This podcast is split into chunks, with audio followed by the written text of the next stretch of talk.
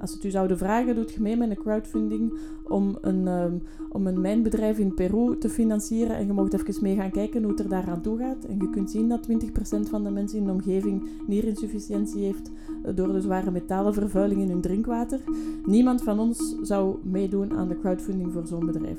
En toch, wij als crowd financieren dat met ons pensioengeld. Heb je er ooit al over nagedacht wat er met jouw pensioengeld gebeurt? Je hebt misschien al wel gedacht, zal ik nog een pensioen hebben? Maar voor zoveel doemdenken heb ik deze radiopas geen tijd. We gaan het wel over pensioensparen hebben, meer bepaald over de vraag hoe dat pensioensparen duurzamer kan. Want duurzaam is het nog lang niet.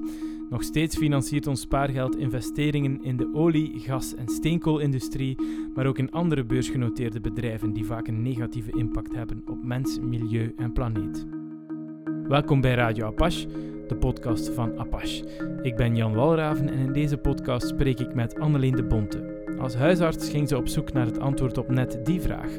Hoe kan ik ervoor zorgen dat mijn pensioenspaargeld, dat 30 tot 40 jaar geparkeerd staat, ingezet kan worden voor duurzame, milieuvriendelijke en klimaatneutrale doelstellingen?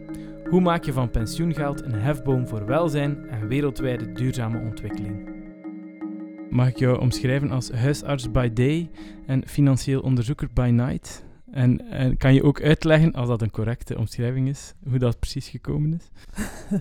uh, zo is het begonnen, kan ik zeggen. Ik heb een tijdje geprobeerd om de twee enigszins te combineren. Maar um, ik heb inmiddels zelfs de, de huisartsgeneeskunde achter mij gelaten. En um, financieel onderzoeker, goh, ik... Um, Eigenlijk ben ik er een beetje, een beetje toevallig in getuimeld, omdat ik als huisarts een nieuwe praktijk had opgericht en mijn financiën aan het uitzoeken was in dat verband.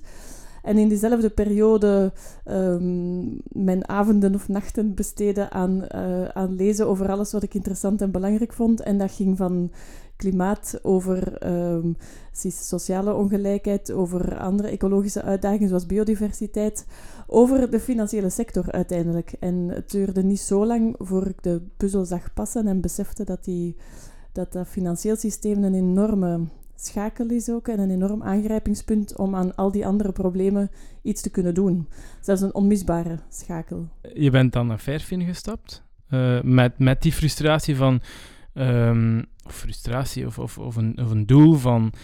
Ik wil mijn geld dat ik verdien op een duurzame manier uh, beleggen of op, op een duurzame manier aan pensioenspaar doen. Ja, ja, zo is het gegaan.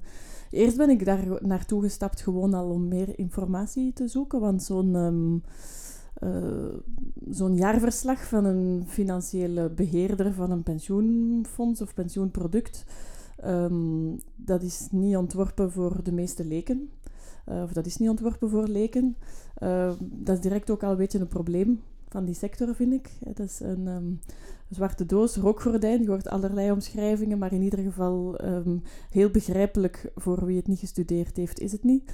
En um, ik moet zeggen, nu ik daar wat langer in zit, voor heel veel mensen die het wel gestudeerd hebben, is het ook niet meer allemaal zo duidelijk. Dat is nogal verontrustend eigenlijk.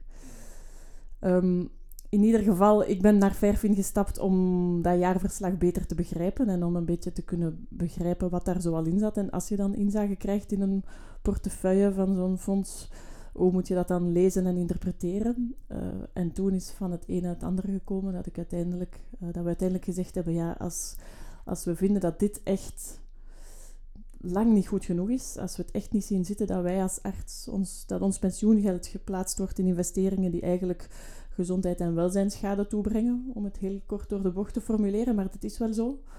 Um, als we vinden dat dat niet kan, hoe kunnen we dan um, eens kijken hoe zou die sector reageren als we met die vraag daar naartoe stappen en zeggen, ja, we zijn een aantal zorgverleners.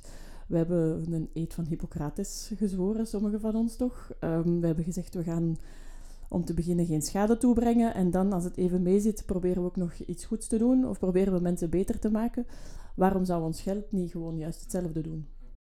En uiteindelijk zijn jullie naar um, die pensioenfondsen gestapt. Of ben jij naar die pensioen, pensioenfondsen gestapt? Maar het eerste idee, um, als ik het goed begrepen heb, is dat jullie eigenlijk gekeken hebben of dat jullie zelf geen pensioenproduct konden ontwikkelen. Waarom is dat dan uiteindelijk niet gelukt? Ja, dat is de meest vanzelfsprekende reflex. Hè, van ja, maar dan doen we het toch gewoon zelf. En we vinden niemand eh, binnen die financiële sector die dat met ons wil doen. En door een nieuw voorbeeld te stellen, ehm, kunnen we aan al die anderen die beweren dat het niet gaat, kunnen we bewijzen dat het wel gaat.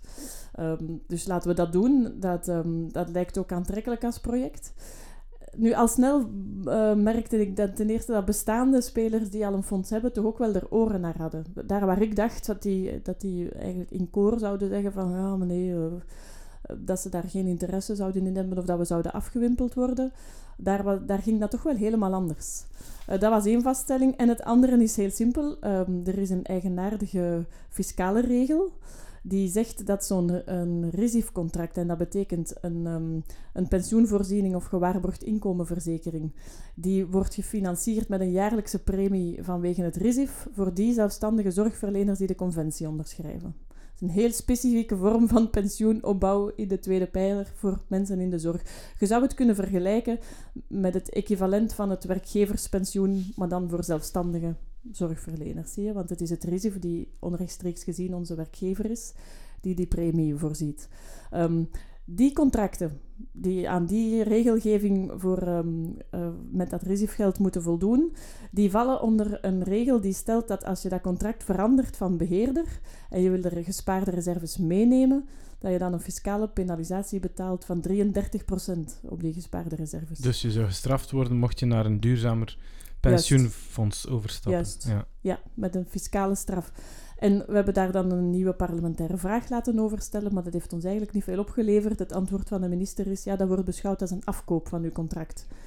Uh, terwijl als je dat plaatst tot en met de laatste euro in een nieuw contract met juist dezelfde doelstelling, zie ik niet waarom je dat fiscaal voordeel dat je tot dan hebt gelopen, of dat je die, dat voordeel van die resiefgeld, wat uiteindelijk belastinggeld is, dat je dat niet zou mogen meenemen. Um, maar dat is natuurlijk een belangrijke factor die in de weg staat voor het oprichten van een nieuw fonds, omdat je dan alleen met vers geld kan werken en niet met die gespaarde reserves. En het is wel belangrijk om, om een fonds op te starten om voldoende volume te hebben om te beginnen, anders zijn in verhouding uw beheerskosten veel te hoog. Ja, en, en dan maakt het ook nog duidelijker dat je de bestaande pensioenfondsen moet proberen verduurzamen als je dat wil. Uh, want je wordt gestraft als je over zou stappen. Dus het is beter dat je bij dezelfde blijft, maar dat die dan duurzamer wordt. En je zegt van ja, eh, toen daar die pensioenfondsen eh, stapten en dat we daar het gesprek mee wilden nagaan, um, werd je niet afgewimpeld. Dus die stonden daar in principe wel voor open. Was dat een verrassing? Um, uh, jawel, we werden wel afgewimpeld door bij sommigen. Maar uh, we zijn in gesprek gegaan met degenen die er wel oren naar hadden. Um, we hebben, um, en zo zijn er toch uiteindelijk een, um, eigenlijk twee belangrijke uh, spelers in dat veld van uh, zorgverleners, die, waar dat we merkten dat, dat, die boodschap echt aankwam en dat we niet gewoon een, uh, een groengewassen antwoord kregen, maar een, um, maar een echte bewustwording ook enerzijds en daarnaast ook een motivatie om stappen te zetten. En wat mij dan wel verbaasd heeft, is hoe hoe moeilijk dat blijkbaar is, ook technisch en praktisch, en hoe weinig informatie um, er daar beschikbaar is, of hoe de expertise die al bestaat daar blijkbaar niet terechtkomt. Um, op de duur, er zijn, er, zijn zeker twee van die spelers die nu ook nog gevraagd hebben dat ik, dat ik een stuk um, in gesprek zou blijven met hen, gewoon om hen uh, ja, om, om hen daarbij te ondersteunen, om die stem van de, vanuit de klant te blijven vertegenwoordigen en die klok rond duurzaamheid te blijven luiden, maar ook om in te schatten of die beslissingen die zij maken, of dat dan duurzaam genoeg is. En um, dan beseft je al snel dat je een beetje één oog in het land van de blinden geworden bent. Ik vind van mezelf helemaal niet dat ik een groot expert ben nu.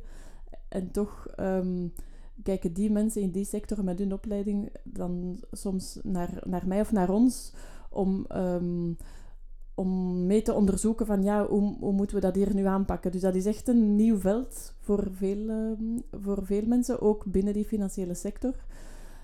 En dus daar heeft het voor een stuk ook mee te maken dat de expertise die al is opgebouwd rond duurzame financiën, dat die nog niet overal terechtkomt waar ze zou moeten zitten. En het grote probleem is dat er heel veel greenwashing tussen is, dat er heel veel um, uh, mooie titels zijn op lege dozen, mooie etiketten op lege dozen. Je zegt van ja, aan de ene kant waren ze wel blij, om, om jullie te ontvangen. Van oké, je, raakte wel een, een gevoelig punt aan. Van, er was al een soort van besef, maar het is niet dat één pensioenfonds of een ander pensioenfonds daar echt al mee bezig was en echt al stappen aan het zetten was, of wel? Uh, toch wel, ja. Um, het pensioenfonds waar ik bij ikzelf was vroeger.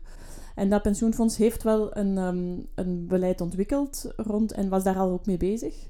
Um, rond ecologische, sociale en beleidscriteria. Governance gaat over het dus ik zal het juist stellen, heel vaak wordt gesproken over ESG-beleid. En dan staat dat die E voor ecologisch, de S voor sociaal en G staat voor governance. Dat is meer het, het beleid binnen het bedrijf en de gedragscode eigenlijk van het bedrijf zelf.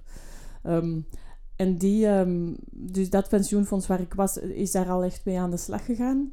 Uh, en heeft daar een aantal regels voor uh, uh, opgesteld en die dan uitgerold over zijn portefeuille en ook voor de andere partners, investeerders waar ze mee samenwerken. Um, dus dat is zeker een, een goed begin en binnen de sector hebben ze daar wel een voortrekkersrol gespeeld. Ehm, maar als je dan ziet wat er door de mazen van dat net valt, is dat toch nog te veel. Ik, ik wil geen portfolio meer waar fossiele brandstoffen in zitten. En dat heeft een ecologische en morele reden. Ik denk, je kunt dat niet meer maken. Maar dat heeft ook een financiële reden. Ik geloof er echt niet in dat dat verstandig is om te doen. En als het al verstandig is, is het nog voor een paar jaar misschien. Tot op een kantelpunt dat we moeilijk kunnen voorspellen. En dan gaat het kelderen. Dat, dat zijn de meest gelezen voorspellingen. Uh, of die ik het meest geloofwaardig vind ook.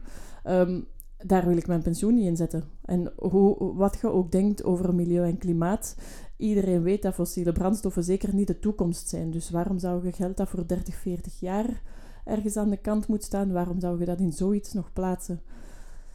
Dus, uh, dus alles wat daarmee te maken heeft, moet er wat mij betreft al gewoon uit. Uh, maar er zijn nog een aantal um, breekpunten waarvan ik merk dat die nu nog heel veel filters passeren.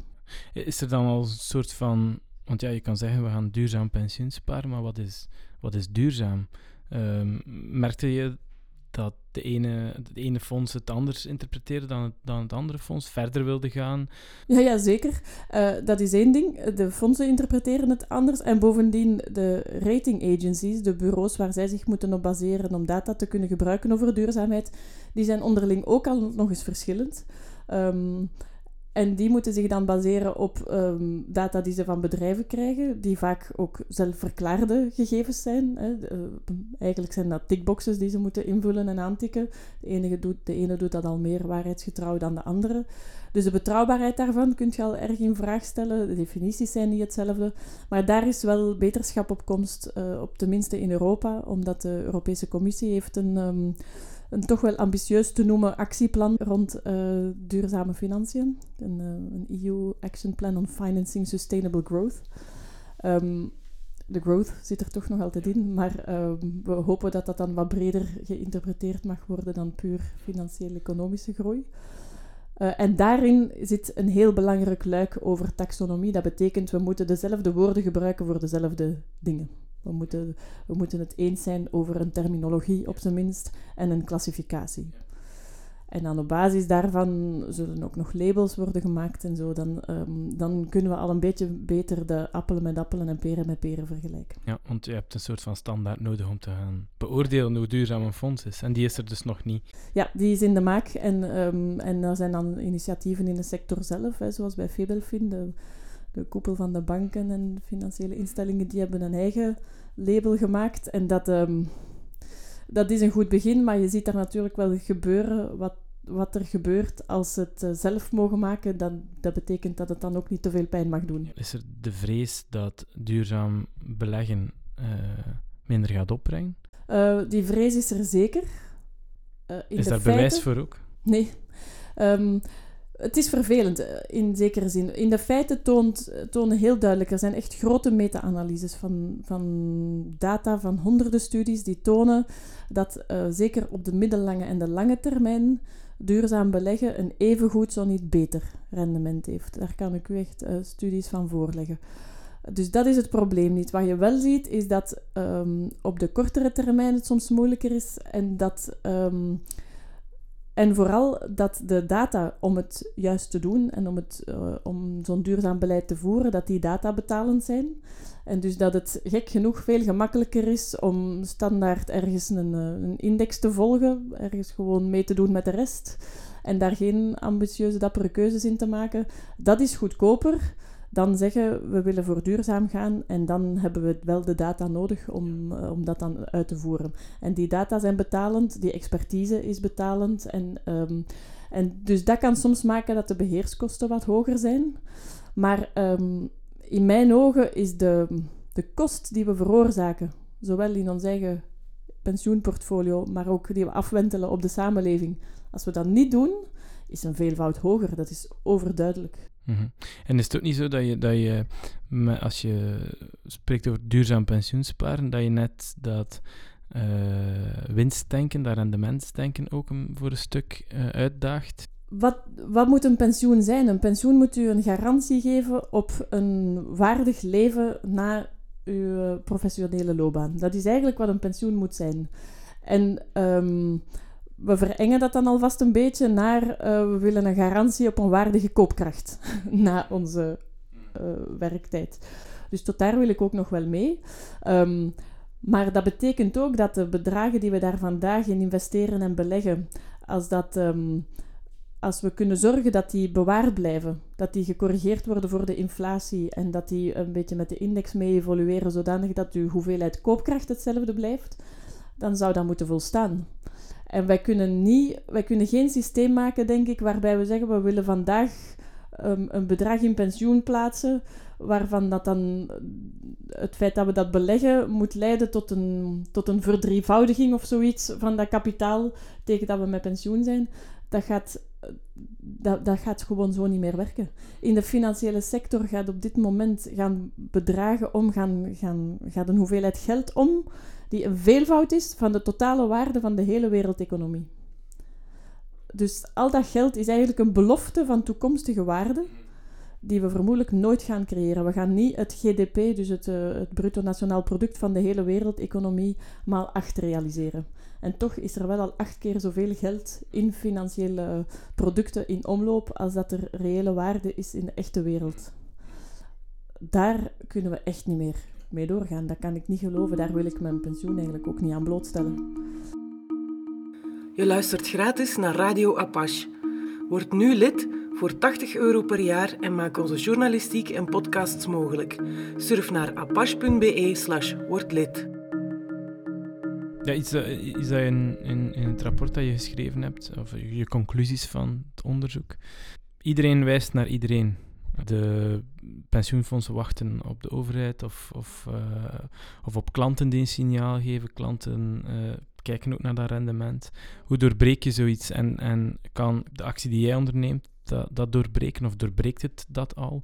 Ja, dat is mijn grootste oproep aan die financiële spelers. Zij stellen zich op alsof zij die verantwoordelijkheid niet hebben voor duurzaamheid. Zij stellen zich op alsof zij puur een... Uh, een dienstverlener zijn aan de klant en dus de producten maken die de klant vraagt en, daar, en dat binnen de grenzen die de wet hen oplegt. Dat is hun opdracht.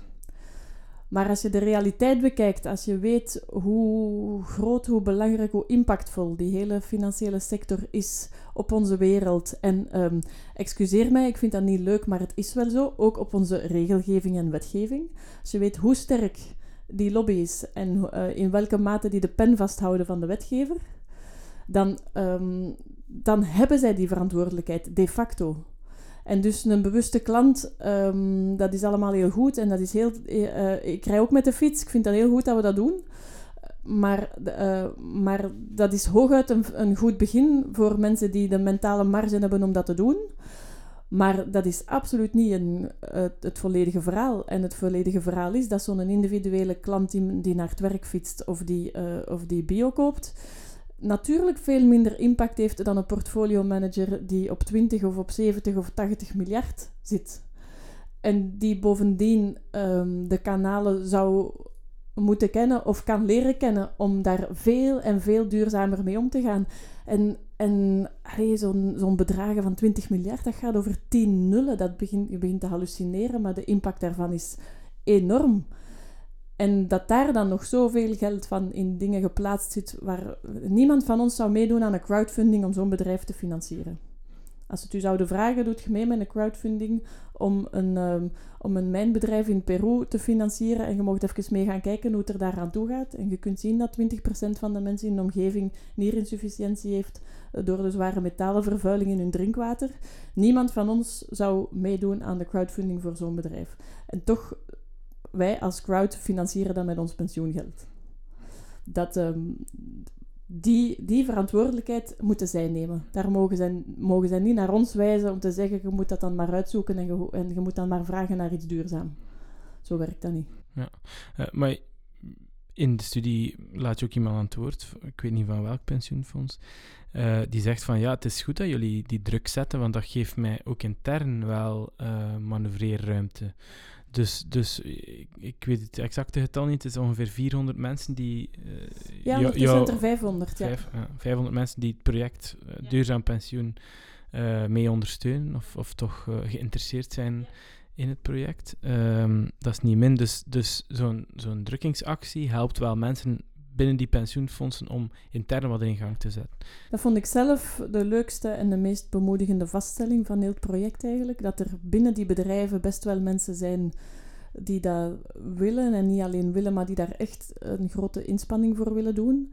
En dat die mensen um, een, een actie zoals die van ons bijna nodig hebben om legitimiteit te verwerven binnen hun eigen bedrijf en richting hun eigen directie.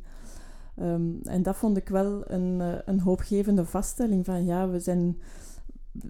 Ja, zo'n zo'n zo'n bedrijf, zo'n financieel bedrijf, is natuurlijk ook geen volledig homogene groep van mensen. En daar zitten ook verschillen in gedrevenheid en motivatie en focus. En als we ons daar kunnen verbinden met die mensen die ook dat, die lange termijn gedachten, die daar heel erg van doordrongen zijn en beseffen van wow, lange termijn ja, maar eigenlijk dat we nog tien jaar hebben om het op te lossen, om op de lange termijn überhaupt nog iets, uh, nog iets te kunnen overhouden. Um, dat als je het kunt verbinden met die mensen, dan, um, dan kan dat binnenshuis in zo'n bedrijf wel wat teweeg brengen. Ja. En, en wat hebben jullie wat, of wat heb jij uh, teweeggebracht? Het is, het is nog maar begonnen, maar het is wel goed begonnen en ik vind het wel beloftevol. Um, de, twee, um, de twee rechtstreekse aanbieders van zo'n pensioenproducten binnen dat RISIF-statuut, die het meest met ons gesproken hebben en ook de meest wezenlijke stappen hebben gezet, dat is uh, Curalia enerzijds. Dat is eigenlijk een, uh, een coöperatieve verzekeraar. Um, die, die historisch begonnen is als een, um, als een vehikel om het RISIF-statuut voor apothekers te beheren, maar die ondertussen ook verzekeringscontracten, bijvoorbeeld autoverzekeringen en zo, voor uh, zorgverleners um, maken. En die nu ook niet meer alleen apothekers in hun groep hebben, maar de hele uh, medische sector die wat verbreed zijn. En daar is echt een, uh, zij hebben echt gezegd, ja, we hebben op dat vlak nog werk. Die boodschap spreekt ons aan. Dat past eigenlijk in de filosofie van ons bedrijf en we doen daar te weinig mee. Dus we gaan daarmee in gang schieten. Uh, en dat hebben ze ook echt gedaan. En dat gaat ook niet stoppen nadat dit project bij Fairfin uh, afgerond is. Daar ben ik uh, wel van overtuigd. Maar het zal wel belangrijk zijn dat ook daar ehm, klanten die druk erop blijven houden. En, ik, ehm, en daarom roep ik ook echt al hun klanten die daar rond gemotiveerd zijn op om die, om die klok te blijven luiden. Mocht daar naar de algemene vergadering gaan, doe het één keer per jaar. En, um, en laat dat daar horen.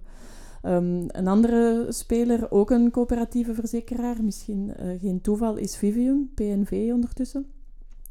Um, en PNV Vivium, die hebben ook echt gezegd, ja, dat... Um, daar willen wij meer mee doen. Ze hebben, uh, en, maar zij zijn in volle onderzoek nu om te kijken hoe gaan we dat vormgeven om te maken dat het meer is dan een groen etiket, maar dat het een echt uh, een echt duurzamer product is. Dat het wezenlijk anders is dan, dan, dan gewoon hier en daar wat scherpe kantjes eraf veilen. Um, en daar zijn veelbelovende dingen bezig, maar dat is allemaal nog in een onderzoekstadium. Maar wel al, uh, enfin, dus de gesprekken die ik daar heb mogen volgen, um, overtuigen mij wel dat ze het ernstig menen. En ook de partners die ze daarbij betrokken hebben, ze zijn, ze zijn uit hun box gegaan. Dat is, dat is denk ik ook wat nodig is. Binnen de bestaande vakjes en denkkaders bestaat de oplossing niet. Binnen de comfortzone zit het niet. We gaan eruit moeten. En als jij outside die box mag denken, hoe ziet voor jou een, een duurzaam pensioenproduct eruit? Wat moet, wat moet eruit dat er nu nog in zit en wat zou er beter inkomen in de plaats? Waar, mogen, waar, waar wil je niet meer in beleggen en, en waarin wel? Uh, in grote lijnen, ik vind dat geen heel gemakkelijke vraag, maar in grote lijnen vind ik het al, um, al niet zo gemakkelijk te begrijpen als, als pure leek. Ondertussen begrijp ik het wel, maar ik vind toch dat we die vraag altijd opnieuw moeten stellen. Moeten daar zoveel beursgenoteerde uh, financiële producten in zitten? Moet ons pensioengeld zo blootgesteld zijn aan de grillen van financiële markten, waarvan dat we nog niet zo lang geleden gezien hebben hoe dat die drijft op emoties? En hoe, uh, hoe miljarden zomaar eventjes kunnen imploderen. Echt miljarden.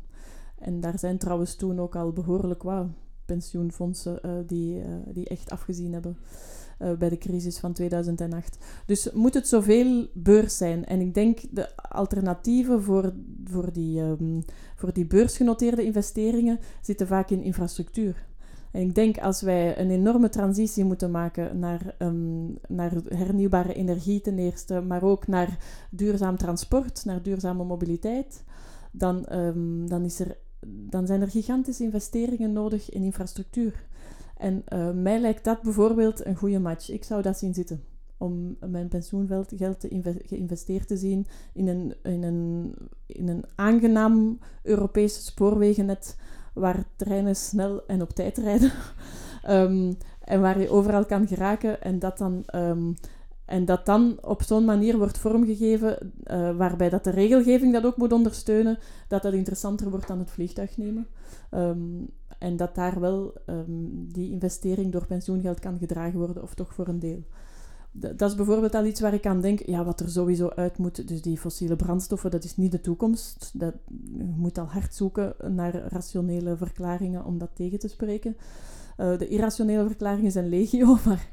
Um, dus die al niet. Maar ook uh, al die bedrijven... Ik weet het dat wij allemaal een smartphone hebben en die graag gebruiken, maar dan nog kunnen wij daarmee niet verantwoorden dat daar kinderarbeid oogluikend wordt toegestaan in van die Congolese of Peruviaanse mijnen, of dat daar heel de lokale gemeenschappen uh, onteigend en quasi vergiftigd worden, verjaagd worden.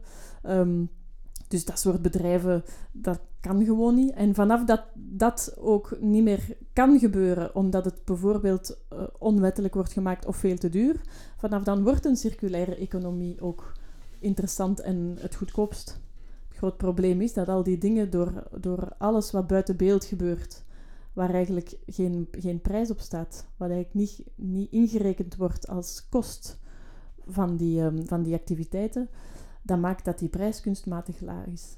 Mocht je alle, maar werkelijk alle risico's in de reële wereld van, uh, van olie, maar ook van mijnbouw, met deel de ecologische schade die dat aanricht, mocht je die allemaal meerekenen, dan zijn nu al investeringen in olie of in kobaltmijnen onbetaalbaar en dan wordt recyclage het goedkoopst. Je hebt nu een rapport afgeleverd van het pilootproject. Je hebt de, de markt verkend, je hebt een aantal mensen wakker geschud. Aanvankelijk uh, was je op zoek naar uh, specifiek voor uh, zelfstandig zorgpersoneel.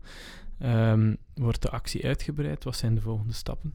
Ja, het, um, de sensibiliseringsactie gaan we zeker uitbreiden uh, vanuit Verfin in de tweede helft van dit jaar. Um, wat wij eigenlijk een, uh, een heel interessante insteek vinden, um, die we uiteindelijk gekozen hebben, zijn die Sustainable Development Goals, die duurzame ontwikkelingsdoelstellingen van de Verenigde Naties. Het, het klinkt toch als het perfecte huwelijk. Als je zegt, we willen duurzame ontwikkelingsdoelen realiseren over, over 20 jaar en daar zijn investeringen voor nodig, dan lijkt pensioengeld in mijn ogen perfecte, de perfecte match. Want dat geld hebben we niet onmiddellijk nodig. Je kunt vrij, vrij goed begroten. Tenminste, die statistieken hebben we wel van, uh, van hoeveel dat is en hoeveel daar onderweg moet uitgaan en inkomen. Um, dus dat is eigenlijk een, het perfecte budget om over te beschikken om duurzame ontwikkelingsdoelstellingen te realiseren. En eigenlijk doen we het niet. Eigenlijk wordt dat geld nog altijd met relatief korte termijn incentives beheerd. Um, onder druk van kwartaalresultaten en uh, korte termijn denken. En ook daar zijn grote discussies over bezig. Hè. Het short-termism is echt een begrip, korte termijn denken. Dat is een probleem en we moeten dat veranderen. Ook binnen de financiële wereld zijn bepaalde mensen en sectoren zich daarvan bewust. Ehm, en dat willen wij rond pensioen ook ehm, installeren. Dat mensen daar ook meer en meer beginnen over meedenken. Van ja, waarom zouden we niet dat geld daarvoor inzetten? En daarover gaan we ehm, nog een, uh, een bredere campagne lanceren in september, waarbij dat er ook wel echt een oproep tot actie zal komen. Maar dat ga ik nog niet verklappen. Wil je Apache steunen en nog meer podcasts kunnen beluisteren? Surf naar apache.be slash wordlid. De muziek in deze podcast kwam van Lee Roosevelt.